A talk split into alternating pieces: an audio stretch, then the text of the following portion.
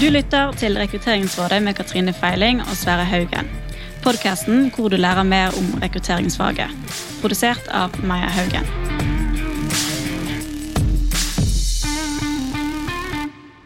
Katrine, hva er ditt forhold til testing i rekruttering? Eh, hva skal vi si? Altså, jeg er veldig vant til å bruke tester. Jeg har vært heldig å få lov til å bruke tester siden mer eller mindre første jobben innenfor rekruttering. Og som jeg pleier å si, sånn, når jeg begynner et nytt sted, bare hvilke verktøy skal jeg sertifiseres i nå? Så jeg tror jeg er sertifisert i de aller fleste verktøyene som finnes der ute. mer eller mindre. Ja. Og, har, og så har du helt sikkert blitt testa litt selv også? opp igjennom? Det har jeg. Og jeg har jo sett det som en sånn veldig fordel å få lov til å bli bedre kjent med meg og min personlighet, ja. og hva som kan være liksom litt hva skal jeg si, eh, punkter for meg for forbedring, eller hvordan, eh, hvordan, forskjellige ting kan gi utslag. da. Så det er en fin sånn ting å ha med seg videre. Det er jo det. Er jo det. Føler du at testing gir verdi sånn i rekrutteringssammenheng? I ditt daglige virke? Ja, jeg føler det. Men jeg er ja. også den personen som faktisk bruker litt tid på testene. Altså Hvis jeg får ja. en personlighetstest og kandidaten har tatt en test, så bruker jeg tid på å forberede meg til samtale med kandidaten for å få lov til å bli bedre kjent med kandidaten. Da. Så det er sånn jeg bruker det. Mm. Jeg, tror nok, jeg tror mange kan oppleve som, som kandidatsiden også, i hvert fall så lenge det brukes ordentlig, at man kan oppleve at det gir verdi. Da. Jeg, for min del så husker jeg jeg hadde en sånn nesten traumatisk opplevelse når jeg ble testet en gang hvor jeg fikk en tilbakelesning som var spot on, for jeg kjente jo meg selv. Jeg hadde vært som deg i masse tester før.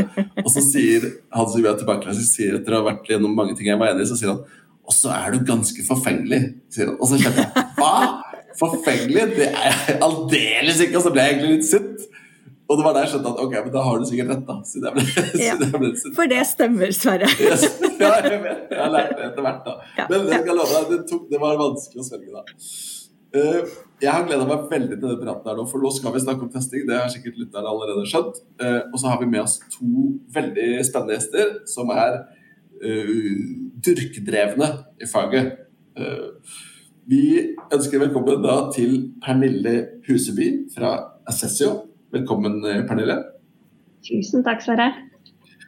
Og så må vi si velkommen til Lasse Hønsen. Som eh, Jeg kjenner jo Lasse fra da vi hadde jobbet i Cute, men nå jobber du ikke i Cute lenger, Lasse. Først må jeg si velkommen. Takk skal du ha, Sverre. og hvor jobber du nå? Nå jobber jeg i et uh, helt nytt selskap som heter Fairsight. Driver Fair med det samme, men helt nytt. Riktig. Begge dere to har jobbet med, med, testing eh, mer enn litt, kan vi kanskje si. Hvor, hvor lenge, hvor lenge har, vi, har, du jobbet med testing sånn røftlig, Pernille? Altså, jeg har vel vært i bransjen nå i 15 år, så begynner å bli en uh, veteran. Eh, ja, 15 år. Og det er jo liksom, tenker jeg noen ganger, hvorfor, hvorfor er det man blir så lenge et sted? Eller hvorfor er det man blir så lenge innenfor en bransje? Og Det er det fordi at det ikke står stille. Eh, og det er en bransje som har utvikla seg mye eh, de siste årene, ikke minst på den teknologiske siden. Eh, så det håper jeg også vi kan få lov til å snakke litt om i dag.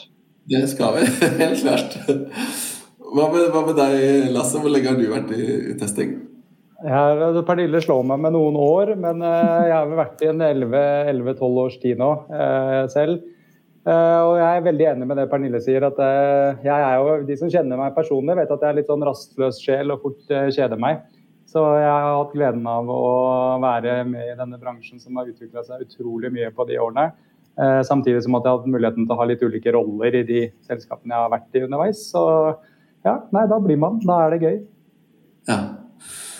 Så Tematikken i dag det er, å, det er, jo å snakke om test, psykometrisk testing, og sånn hva skjer innenfor dette fagfeltet. Eh, når du, når du har liksom tenkt på denne praten i forkant, Katrine, hva er det du da tenker er liksom nysgjerrige eller interessante spørsmål når vi, stiller når vi har to sånne nestorer i faget uh, sammen med oss her?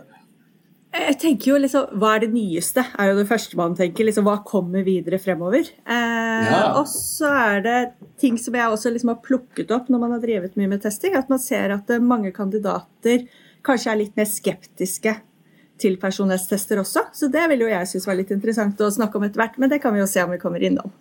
Ja, Men vi kan jo begynne der hvor, der hvor du egentlig det, det, du sier, da, Katrine. For det er jo liksom rett opp i gata på hva du sa også, Pernille. Hva er det som skjer? Hva er det som kommer? Hva er liksom det nye innenfor testing? Nå har dere jobbet ikke sant, begge to veldig lenge innenfor det faget. hva har endret seg i løpet av den tiden dere har jobba med tester? da? Mm.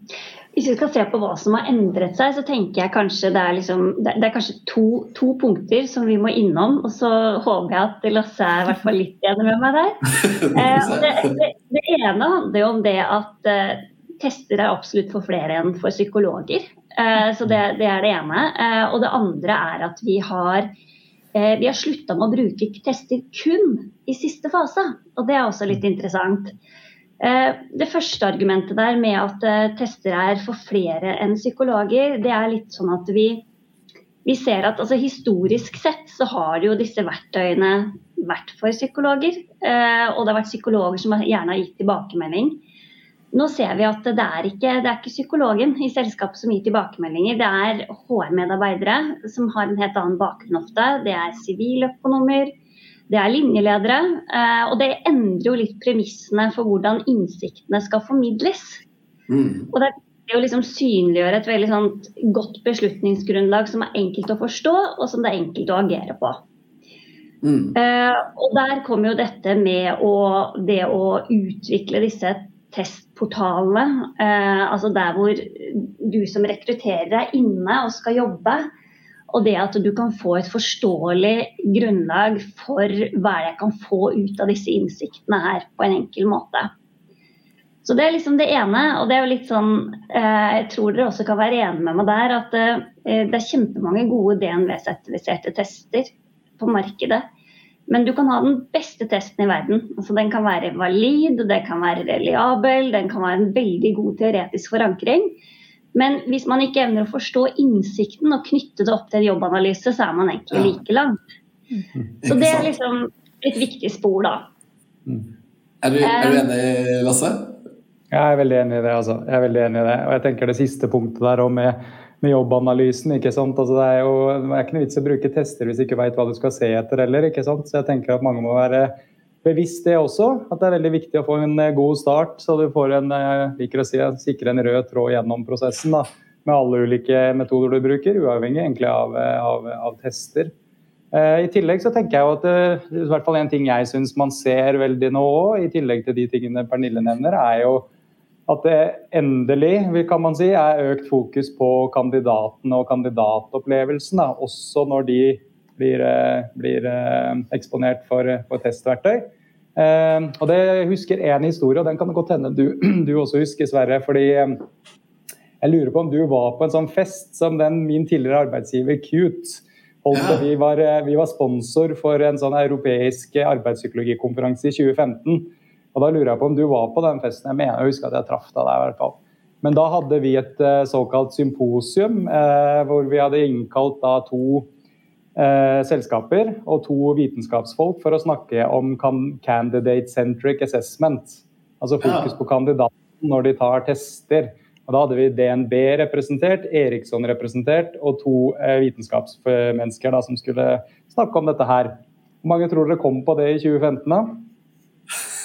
det var i hvert fall jeg, da. Kanskje Nei, du, var, du, var, du var på festen. Du var på festen. Du var på, ingen, ingen, kom på det. Og det var, det var i 2015, da, så da var vi litt tidlig ute, kanskje. Men nå er, det, nå er det fullt fokus, og det er jo veldig gledelig å se. da. Jeg tenker det er veldig, veldig viktig. Men, men det er veldig interessant, da, og det er klart det der med Kandidatopplevelsen har jo boblet opp som viktigere og viktigere hele tiden. Etter hvert som maktbalansen har skiftet over, sånn at nå er det liksom litt mer kandidatene som har makta. Eh, men er det ikke litt sånn at vi fremdeles og nå, nå skal jeg være litt sånn djevelsadvokat da, Er det ikke fremdeles litt sånn som med antirekruttering at ja, men greit, vi ser litt på kandidatopplevelsen, men vi gjør det samme. Det handler om seleksjon, det handler om å ivareta arbeidsgivers perspektiv. Så får kandidaten bare fylle ut disse testene. Så gjør vi det litt snillere, sånn at de blir litt mer happy. Men det er fremdeles arbeidsgivers behov som skal fylles. Eller? Ja, nei, altså jeg, jeg, kan godt gå først, jeg, Pernille, så må du gjerne bare fylle på. Altså, men, uh... ja, det skjønner Jeg må nesten transkribere kroppsspråket, for nå ser vi at det, det vekker litt engasjement. Det provoserer litt, da, tror jeg. ja, men Det er bra du sier det, for jeg tenker det er et veldig viktig, det er et veldig viktig aspekt. og at I lang tid så har det jo vært fokus på på eh, det man kanskje ville kalt liksom, eh, performance da, i min verden. ikke sant? Det er opptatt av prestasjon, jobbprestasjon. Hvem er det som lykkes best i jobben? Men jeg vil jo si at det er en, det er en liten endring der òg. Jeg kan tenke på liksom, jeg er jo sammen med noen tidligere kolleger er jo i gang med et nytt selskap nå som heter Fairsight, som du sa i sted. Eh, og Vi ønsker jo å ha mer fokus på ikke bare performance, men også liksom, eh, hva skal jeg si, sånn, eh, impact. da, så Samfunnsmessige impacten av, av rekruttering. Hvilke følger får det? ikke sant, Hvordan er det vi kan sørge for at rekrutteringen blir mest mulig rettferdig, også når man bruker tester. Altså En ting er jo vært at vi, Testbransjen vil jeg si har vært veldig gode og en pro, instrumentell pådriver blant mange andre også, til å sørge for økt objektivitet ikke sant, og likebehandling i rekrutteringsprosesser. Men det ser jo ikke ut til å være nok, da. så jeg tror vi må gjøre enda litt mer. Og En av de tingene da er jo også å se om man også skal se på noe mer enn bare prestasjon. Jeg sier ikke at det ikke er viktig, for det er fortsatt like viktig, men det er andre ting som også er viktig å ta hensyn til. da. Jeg tenker også dette med, med, Når vi snakker om kandidatvennlighet, så har det jo vært fokus på eh, også sant, hvordan det oppleves å gjennomføre en test. Eh, hvilke brukergrensesnitt man kommer inn i. og Hvis man f.eks. får en sånn automatisk feedback-rapport som blir vanligere å få nå som man bruker tester tidligere i fase, at den er godt forståelig eh, for kandidaten. Og at eh, den ivaretar at kandidaten skal sitte der hjemme og lese dette her, og likevel altså få en god forståelse av hva som kommer frem. Eh, og, eh, og, at man ikke fokuserer på liksom, dette er du høy på, dette er du lav på. Men at man fokuserer på mer på det som hva du, hva, hva du gjør, hva du, hva du gjør mer av, f.eks. At du sånn målbevisst skala, at du, at du er mer fokusert, du er mer målorientert.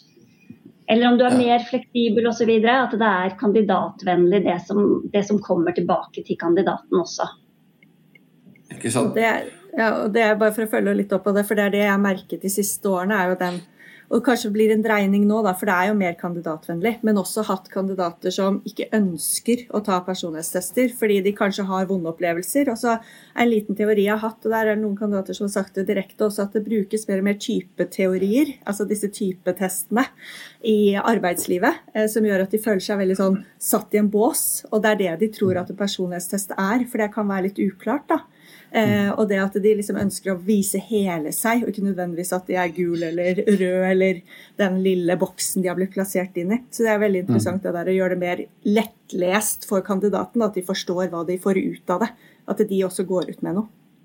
Men der tror jeg vel jeg og kanskje Lasse er ganske enige om at eh, denne form for typetester de er jo de er utvikla for å bruke mer i utvikling eh, og ikke rekruttering.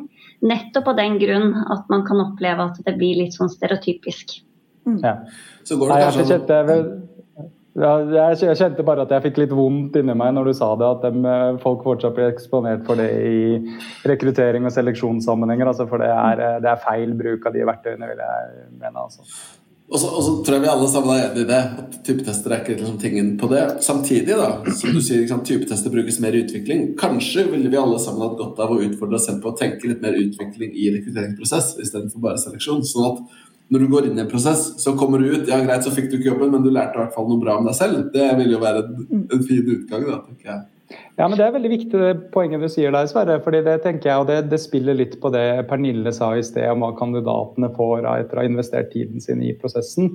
Og Det opplever jeg at det er flere aktører innenfor vår bransje som nå har et mye tydeligere fokus på.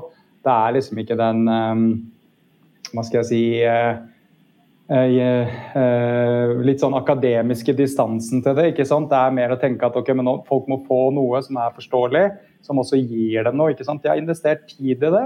Du nådde ikke opp hvis du f.eks. var den en av de som ikke fikk tilbud om jobben, da, men du skal i hvert fall få noe tilbake for den tiden du har investert. Det tenker jeg er, eh, er viktig, og det ser ut til å bli viktigere og viktigere også for mange aktører. da.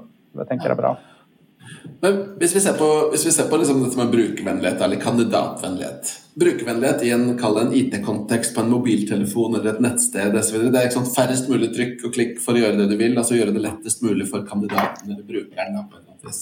Og så er det jo noen bevegelser i testbransjen også som er veldig, veldig kan du si, lite innsatskrevende, hvor du går veldig langt i forhold til automatisering. Da, og da tenker jeg på f.eks.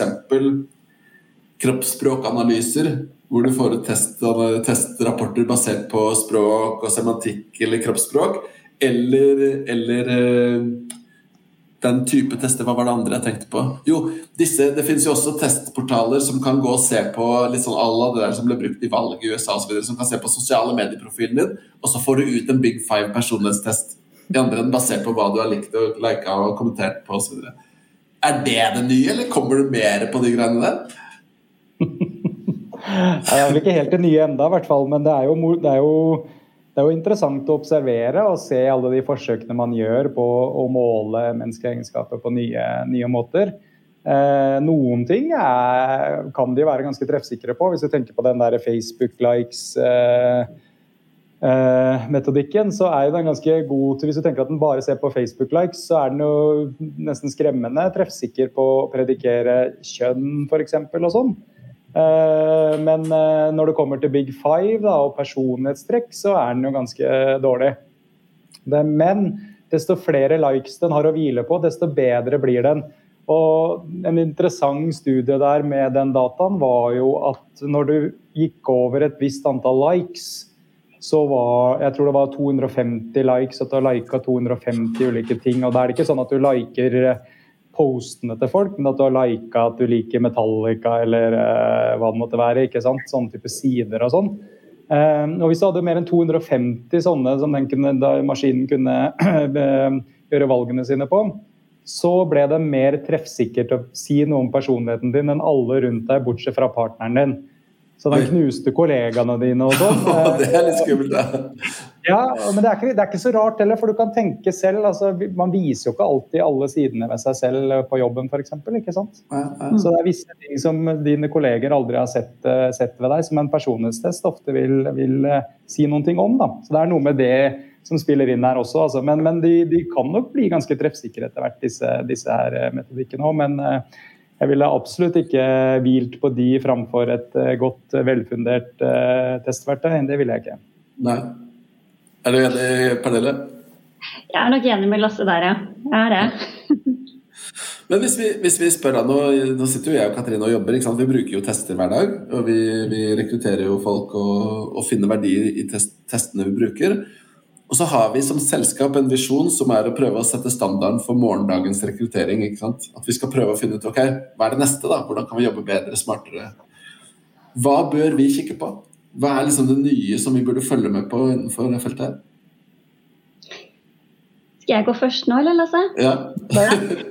ja nei, altså eh, Jeg tenker jo at det er spennende også å se på hvordan, og det var du inne på i stad, Sverre, altså hvordan man kan bruke disse dataene eh, lenger eh, videre med seg i denne medarbeiderreisen. Fordi du samler inn så utrolig mange dataer eh, tidlig eh, i, i, rekrutteringen som kan være veldig nyttig for den videre utviklingen. Um, og vi eh, jobber nå med en sånn integrert talentment-plattform.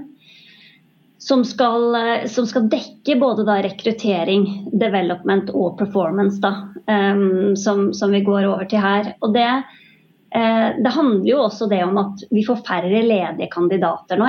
Folk, eh, mange selskaper sliter med å få, få attraktive eh, kandidater på plass. Og det, det, som er viktig, er jo også da å utvikle de kandidatene som man har, på en god måte. Og jeg tror at uh, denne formen for tankegang da, uh, og ikke minst også teknologisk utvikling gjør det mulig for kunder å koble da atferdsmål og rekruttering. Og dette er jo sånn som vi egentlig har gjort på konsulenttimer før. ikke sant? Å få se på disse sammenhengene her. Men her får man da uh, muligheten for å gjøre dette automatisk. Mm. Og hele tiden spisse den kompetanseprofilen, sånn at du kan få de få de beste kandidatene inn basert på erfaringen din. Ikke sant. Hva tenker du, Lasse? Nei, jeg tenker det Pernille sier der, er veldig, veldig, resonnerer veldig fint med meg. Ehm, jeg har jo alltid vært litt sånn forundra over hvorfor, eh, hvis jeg skal se på Cute som jeg jobbet i, da, som eh, hadde ganske mange kunder man jobbet med i Norge, eh, hvor kanskje under 10% av de kundene hadde liksom en sammenheng mellom hvordan de brukte våre verktøy da, som eh, der jeg jobbet da, i rekruttering, og hva de brukte i utvikling f.eks., og hvordan de hadde en sammenheng med den dataen. Og det å liksom ha noen overganger der, ikke sant, gjennom f.eks. en onboarding og ta med deg en del av den informasjonen som folk har fra en rekrutteringsprosess også over i utvikling av folk. Det er jo et spor som er veldig, veldig spennende. Eh, andre ting er jo det, dette, det kompetansegapet man har nå, ikke sant? hvor man har en del eh, stillinger hvor, hvor, det ikke er nok folk. Det er ikke født nok folk til å fylle det med tradisjonell skolegang heller. ikke sant? Så bedriftene er nødt til å tenke nytt, og de er nødt til å tørre å ta sjanser i større grad på sine eksisterende ansatte som kan bekle nye eh, roller og ferdigheter. Og Der tenker jeg en ting som vi er veldig opptatt av i Fairsight, og det er jo litt av dette med trygging av beslutningstagere. Er Vi sørger for at beslutningstagere er trygge til å ta valg som kanskje oppleves som utrygt. Det kan være knyttet til å tørre å ta valg rundt økt mangfold, men det kan også være å tørre å ta Eh, valg rundt eh, eksisterende medarbeidere som kanskje skal eh, gjøre noe helt annet enn hva de gjør i dag, men de har de egenskapene som trengs for å bli lært opp til den jobben. Og jeg tror det fra et sånt uh, kost-nytte-perspektiv òg, det er nok kanskje for veldig mange en god del uh, lurere enn å prøve å lete etter uh, et fåtall av personer der ute som har akkurat denne kompetansen i dag. Da. For der er det ikke nok. Så Vi snakket litt før vi gikk på lufta Sverre, om IT. ikke sant? Og Det er jo et premieeksempel der hvor det, det er altfor få tilgjengelig. Og noen må nok tenke litt nytt der. Der er det jo selskaper allerede som tenker nytt rundt det òg, da. Mm. Som eh, lærer opp sine egne medarbeidere til f.eks. å bli såkalte data scientists eller lignende. Så, det tenker jeg Ja, ja det er, data scientist er et sånn derre eh, begrep. Data scientist, det er altså Pernille og jeg har folk hos oss som er data scientists, selv om vi kanskje ville kalt dem for psykometrikere. Men hvis du ser hva de gjør, så er de en data scientist. Liksom. Så, Ikke sant. Ja. ja. Men jeg, jeg, har et spørsmål. Jeg beklager hvis jeg avbryter eller stiller mange spørsmål nå, Katrine, men jeg er veldig nysgjerrig på en ting. Fordi testing, ikke sant? hvis vi ser på det historisk, det som har skjedd, det har vært veldig mye fokus på hvem er du, hvordan er du, hva er talentet ditt, hva er potensialet ditt, hvordan vil du, hvordan vil du perform? Prestere i denne jobben her. Og så føler jeg at det er et stort hull og et gap når det kommer til motivasjonstesting. Fordi mm. min opplevelse da, Jeg sitter jo som rådgiver, og det gjør, kjenner du deg helt sikkert igjen i, Katrine, men det kommer jo folk til oss hele tiden og spør hva skal jeg gjøre med livet mitt nå, da? Jeg står i et uh, gap her, og så vet jeg at jeg vet ikke hva jeg vil. Jeg bare vet bare at jeg vil ikke gjøre det jeg har gjort fram til nå. Det er jo der man burde hatt noen tester. Hvorfor har vi ikke kommet lenger på det, egentlig?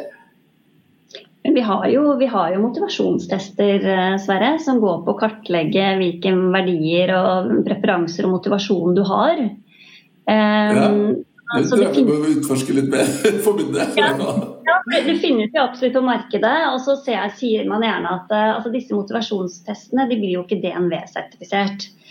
Eh, og Man sier gjerne at eh, motivasjonstester brukes sammen med f.eks. en, en femfaktortest, da, en personlighet- og evnetest, men nettopp for at den kartlegger noe annet.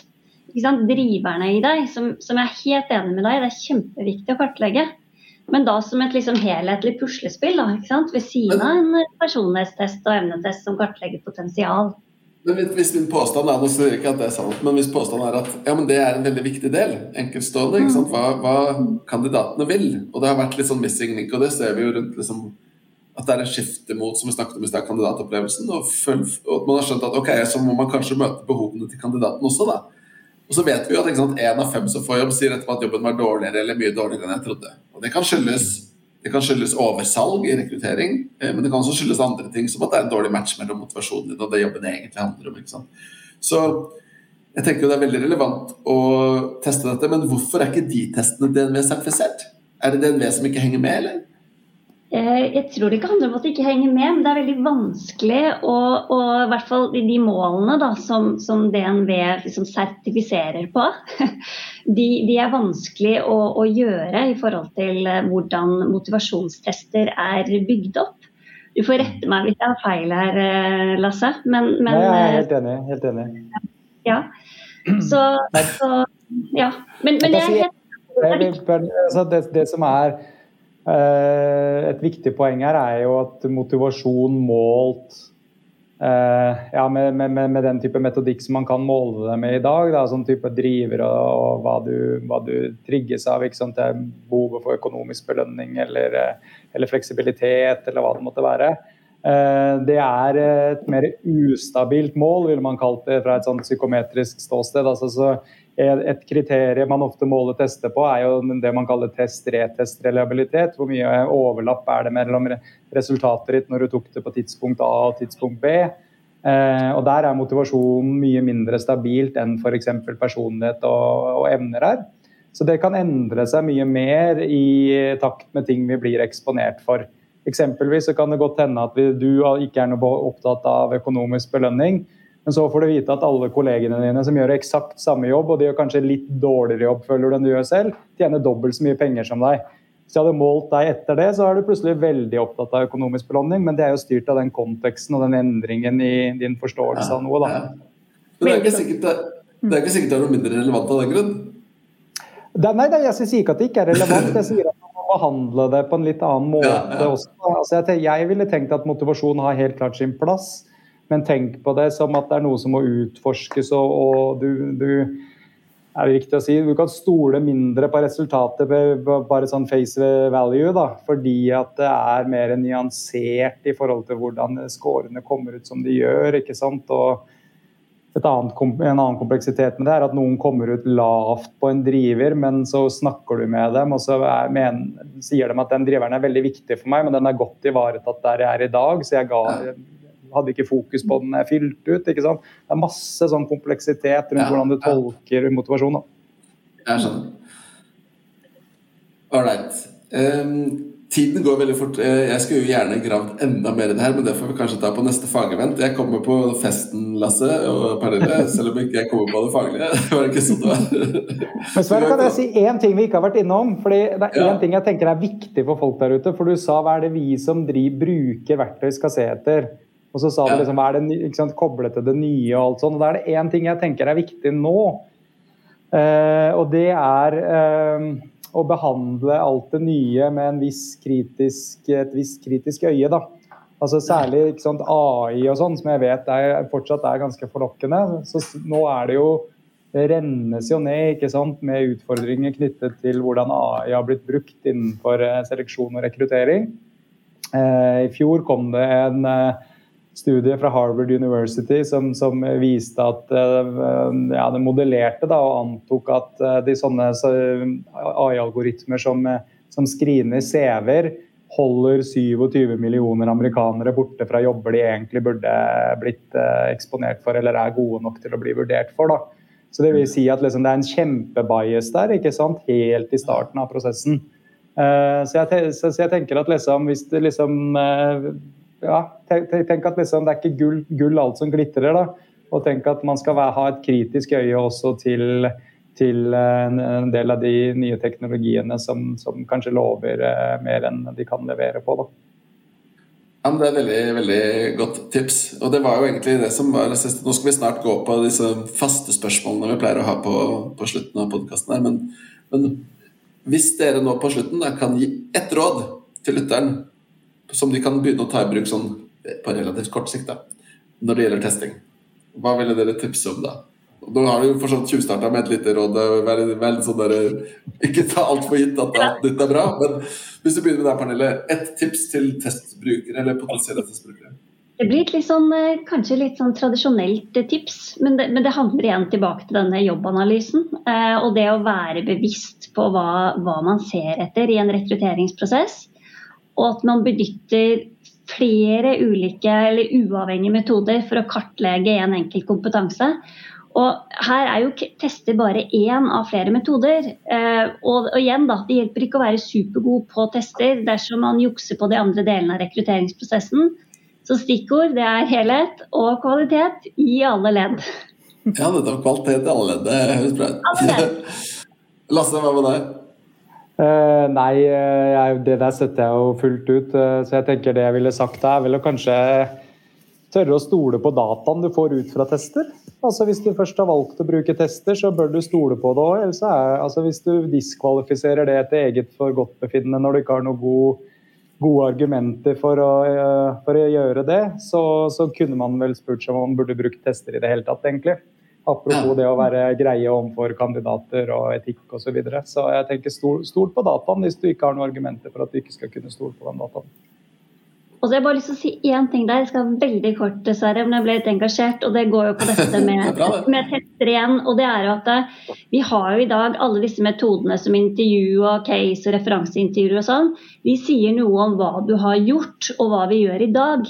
Mens det som tester skal si noe om, er hva du skal få til i morgen. Og eh, det er bare liksom testens unike bidrag. Ikke sant. Nei, men Så bra. Eh, jeg tenker jo dette er veldig interessante eh, diskusjoner. Og nå helt på slutten så har vi jo noen standardspørsmål som vi stilte til alle. Eh, så jeg vet ikke jeg, Pernille, vil du svare først på hva er din verste rekrutteringsopplevelse? Ja, verste rekrutteringsopplevelse. Da vil jeg heller kanskje si en sånn spesiell opplevelse. Jeg var ferdig med studiene mine og masteren og skulle på intervju og var kjempegira og veldig motivert. Eh, og så når jeg sitter på det intervjuet, så får jeg da eh, testresultatene mine som er lagt foran meg. Eh, og jeg, de spurte om jeg kunne gi en tilbakemelding til meg selv. Og jeg gjorde så godt jeg kunne, men jeg kjente jo ikke til denne testen så godt. og det, det Ja, som sagt, jeg gjorde så godt jeg kunne. jeg kunne helt sikkert gjort det litt bedre hvis jeg var sertifisert, men det var, det var en litt sånn uvanlig, uvanlig opplevelse. Ja, det, det, det Gjorde jobben til rekruttereren der. jeg, jeg, vet ikke hvorfor jeg ikke kunne få en tilbakemelding av rekruttereren. Man tenker kanskje at uh, hun her får jo bryne seg litt, så ja. Det gir så out. Ja, det er spesielt. Uh, ja. Lasse? ja, det er for en historie. Uh, nei, altså jeg tenker Jeg tror jeg også skal gå tilbake til når jeg var uh, nyutdanna. Og husker at jeg var i et intervju hvor um, jeg forsto uh, relevansen av kroppsspråket til den som intervjuer meg. For det var liksom veldig tydelig at uh, den personen ikke var egentlig så veldig interessert veldig tidlig. Jeg hadde sikkert gjort et dårlig førsteinntrykk, eller hva det måtte være, men uh, jeg leste rommet, for å si det sånn, og opplevde at jeg kunne jo bare kutta ut etter fem minutter, sånn som den personen oppførte seg. Da. Så jeg tenker vær litt sånn bevisst hvordan du opptrer i intervjusituasjonen. For du kan være ganske sikker på at den som sitter på andre siden, den, den får med seg hva du gjør. Ja. Nok et godt tips til rekruttereren der. ja, i aller høyeste grad. Eh, vi tar jo alltid og spør litt om hva skal vi si, andre tematikker det gjestene våre tenker kunne synes var interessant å høre om da, i podkasten. Er det noen ting dere tenker på som dere Ja, hva annet vil dere lytte til, bortsett fra om tester?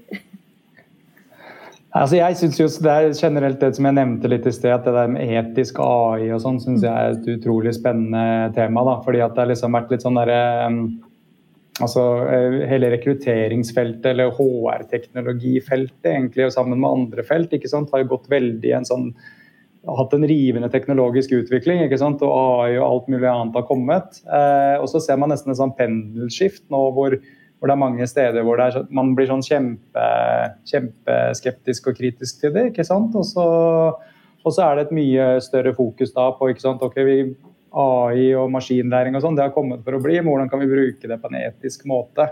Og Der er det jo mange eksperter som har eh, masse vettugt å si, også her i, i Norge. Så jeg tenker at det kunne kanskje vært interessant for folk å høre på, for da er man litt i litt eh, framtidsrettede, men samtidig med at man eh, at man tenker litt hvordan man skal bruke dette på en forsvarlig måte da, når det står om f.eks. Jobber og andre ting. Mm. Kjempespennende, Lasse. Og jeg tenker også det med å eh, den nye generasjonen, altså det hvordan vi skal imøtekomme og eh, tiltrekke oss den nye generasjonen i rekrutteringsprosessen, og hvilke krav det stilles til oss som rekrutterer. Mm. Eh, også i annonseringsøyemed og bruk av sosiale medier. Mm. Veldig spennende. Det noterer du ned, så får vi se om det blir noen episoder på det. jeg ble litt stille nå, for jeg sitter og skriver den. Men det som jeg, på, det som jeg ikke har tenkt på nå, som hadde vært gøy, Katrin, det er kanskje å dra inn noen, noen av den yngre generasjonen også. og høre liksom, Var det jeg også noterte meg. ja, ja. ja, men det er veldig bra. Det var veldig gode, gode innspill. Uh, jeg tror vi skal da si tusen, tusen takk, eh, Lasse, for at du stilte opp til denne praten. Tusen takk, takk Pernille. Bare hyggelig. Og før vi runder av, Katrine, så har jeg lyst til å spørre deg. Hvis du da ser tilbake på denne lille, ja, litt drøye halvtimen, vi har bygga akkurat over en halvtime her nå, hva tenker du er dine takeaways fra denne praten? her? Hva skal jeg si, enda mer eh, kandidatfokus i eh, testopplevelsen. At, man liksom, at vi er flinkere på tilbakelesningen. Jeg vet at jeg kan bli enda litt flinkere der, så det tar jeg med meg. Og også som alltid, altså bias. At man må liksom bare passe på at man har hodet på riktig sted når man snakker ja. med kandidater. Mm. For det er jo et sånt, og jeg, jeg, er litt enig i det siste du sier her, så tenkte jeg også på liksom det med at hvis ikke du skal stole på dataene, så er det jo ikke noe vits å bruke testen. Og, og, vi har vel begge to sett dette hvor du har ledere, eller kanskje til og med oss selv, hvor testene sier noe, men så har du egentlig lyst til å tro på det. Og, så, ja.